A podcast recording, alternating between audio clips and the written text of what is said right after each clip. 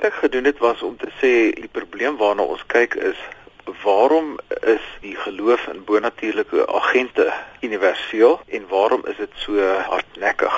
Want baie mense het nou al voorspel dat dit gaan verdwyn en dit het nie. Kom ons vra dan die vraag, ja. hoekom is dit so? Hoekom hoekom, so? hoekom bly mense glo eh, en veral in 'n tyd soos vandag? Die model waarmee ek werk, hulle noem dit 'n kognitief sielkundige model en dit sê dat in die proses van menslike evolusie het ons breins sekere meganismes ontwikkel ons te help om ons omgewing te hanteer. En uit 'n evolusionêre oogpunt is 'n suksesvolle hantering van jou omgewing twee goed: dat jy oorleef en dat jy voortplant. En hierdie model verklaar dus godsdiens as 'n produk van evolusie. Watter navorsing het jy verreken om om uiteindelik tot die gevolgtrekking te kom wat jy aangebied het in jou lesing? Daar's verskillende universiteite reg oor die wêreld wat navorsing doen hieroor en vanuit die kognitiewe sielkundige model as 'n hele paar tydskrifte wat ook al spesifiek publiseer in hierdie ligting. Dit is baie baie opwindend. Dit gaan basies daarvan uit dat ons in die proses van evolusie sekere meganismes ontwikkel het. Uh soos ek gesê het om ons te help oorleef en om ons te help om voort te plant en godsdienst is 'n nuwe produk hiervan. Die eerste meganisme wat baie belangrik is, is dat ons voor oor oor oor voorouers die vermoë ontwikkel het om uit tekens af te lei dat daar 'n agent is. Dis die eerste belangrike ding van kognitiewe sielkunde. Die tweede ding wat hiermee saamhang, is dat jy nie gestraf is as jy die agent verkeerd beoordeel het nie. Met ander woorde sê nou maar daar was 'n ritsel in die in die gras. Jy neem voorsorgmaatreëls asof dit 'n leeu is en toe is dit heeltyd net 'n klein voeltjie gewees. Daai persoon wat ooreageer het, het oorleef, maar die persoon wat onderreageer het en dit was dalk 'n leeu, het nie oorleef. En daarom praat hulle van 'n hiperagentskap uh, vermoë wat ons het. O, ons het die vermoë ontwikkel om om eerder bietjie te oordryf as ons 'n agent moet konstrueer uh, as as om as om dit onder te interpreteer. So dit is 'n vermoë waarmee ons almal aangebore is. En in 'n tyd waar ons nie 'n onderskeid gemaak het tussen die natuurlike en die bonatuurlike nie, het die geloof in bonatuurlike agente ontwikkel. Dit bring my nou by die vraag eh, as 'n ou nou kyk na die inligting wat jy aanbied, dit wil die indruk skep dat God is 'n maaksel of 'n versinsel van mense. Mense kan dit na albei kante toe interpreteer. Daar is van die navorsers wat sê ja, God is 'n versinsel of kom ons sê bonatuurlike agente is een of ander menslike kultuurproduk. En, en die feit van die saak is dat ek en jy en ander mense se voorstelling wat ons van God het waarskynlik sal verskil. Nee, ek dink die punt is dat ons 'n vermoë het soos taal wat ons kan help om te gesels oor die werklikheid in terme van bonatuurlike agentskap, maar dat die inhoud waarmee ons dit vul kan natuurlik sleg of goed wees.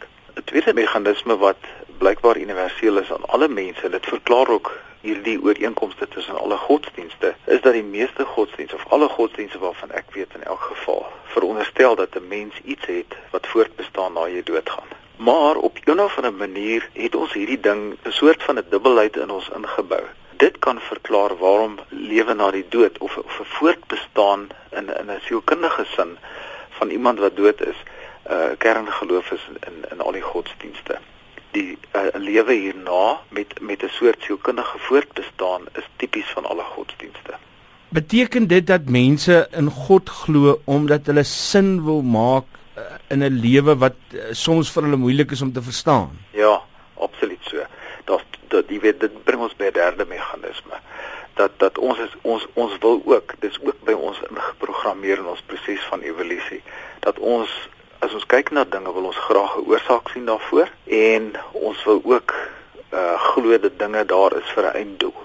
So tussen oorsaak en einddoel vorm ons stories om sin te gee aan ons omgewing en om te probeer om ons uh omgewing op 'n op 'n manier te hanteer daar's 'n groot verskil tussen mense wat vroeër jare gedink het eh, donder weer is die stem van God en ons wat vandag leef. Ons het 'n klomp ontwikkeling getoon in ons verstaan van die wêreld. Ja. Wat maak dat kan ek dit in aanhalingstekens sit God dan al hoe meer op die kant geskui word. Ja. Is daar nog 'n behoefte in die tyd waarin ons leef waarin ons meer verstaan om dinge deur middel van God te verstaan? Dit dis 'n baie interessante vraag want want wat jy daar nou gesê het is so waar. Jy weet as ons klein is dan glo ons byvoorbeeld aan die tandemuis en ons glo aan Vader Kersfees want ons ouers vertel vir ons stories, né? en ons het daai natuurlike geneigtheid om te glo maar hier is bonatuurlike agentskap wat hierdie goed veroorsaak. En dan begin ons nadink op 'n manier en ons begin opvoeding kry en opleiding kry en dan los ons daai geloof. En en daar is baie mense en baie teoloë wat vandag glo dat ons het nou nie meer eintlik hierdie geloof in 'n bonatuurlike agent nodig om ordentlik leef en om 'n goeie lewe te lei en so aan nie. Maar ek dink dit gaan afhang van van die vlak van godsdiens wat jy bereik. Ek dink dit gaan maar van mens tot mens afhang uh, hoe hulle hierdie goed gaan hanteer. Maar dis nou juist die volgende vraag wat ek wil vra. Ek wil weet, Tannie Sunny, ah. wat die koster is van Melville Kerk. Watter nut gaan inligting soos hierdie aan uh, iemand soos Tannie Sunny se lewe maak?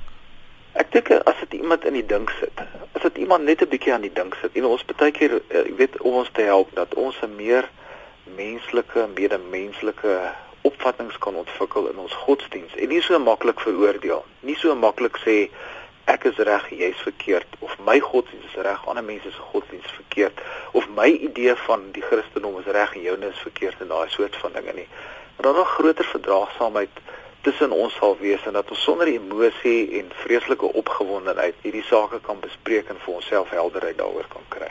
Waar pas ongelowige mense in hierdie prentjie in? Ek kan maar net geskiedkundig daaroor praat. Na die ehm um, 18de eeuse verligting, het baie mense begin nadink oor hierdie goed. En dit is net is natuurlik sodat ons het 'n intuïtiewe reaksie teenoor dinge en dan het ons 'n reaksie wat nadenke veroorsaak. En dit is hoe hoe dit verklaar word dat sekere mense nie langer glo aan bonatuurlike agente nie. Party mense groei op 'n sekere manier daaruit en dit is hoekom daar James Feller het 'n boek geskryf verskillende vlakke van godsdienstervaring by mense is. Jy kry mense wat gewoon mitologies intuïtief nadink oor godsdiens terwyl ander mense, jy weet, op op ander vlakke met godsdiens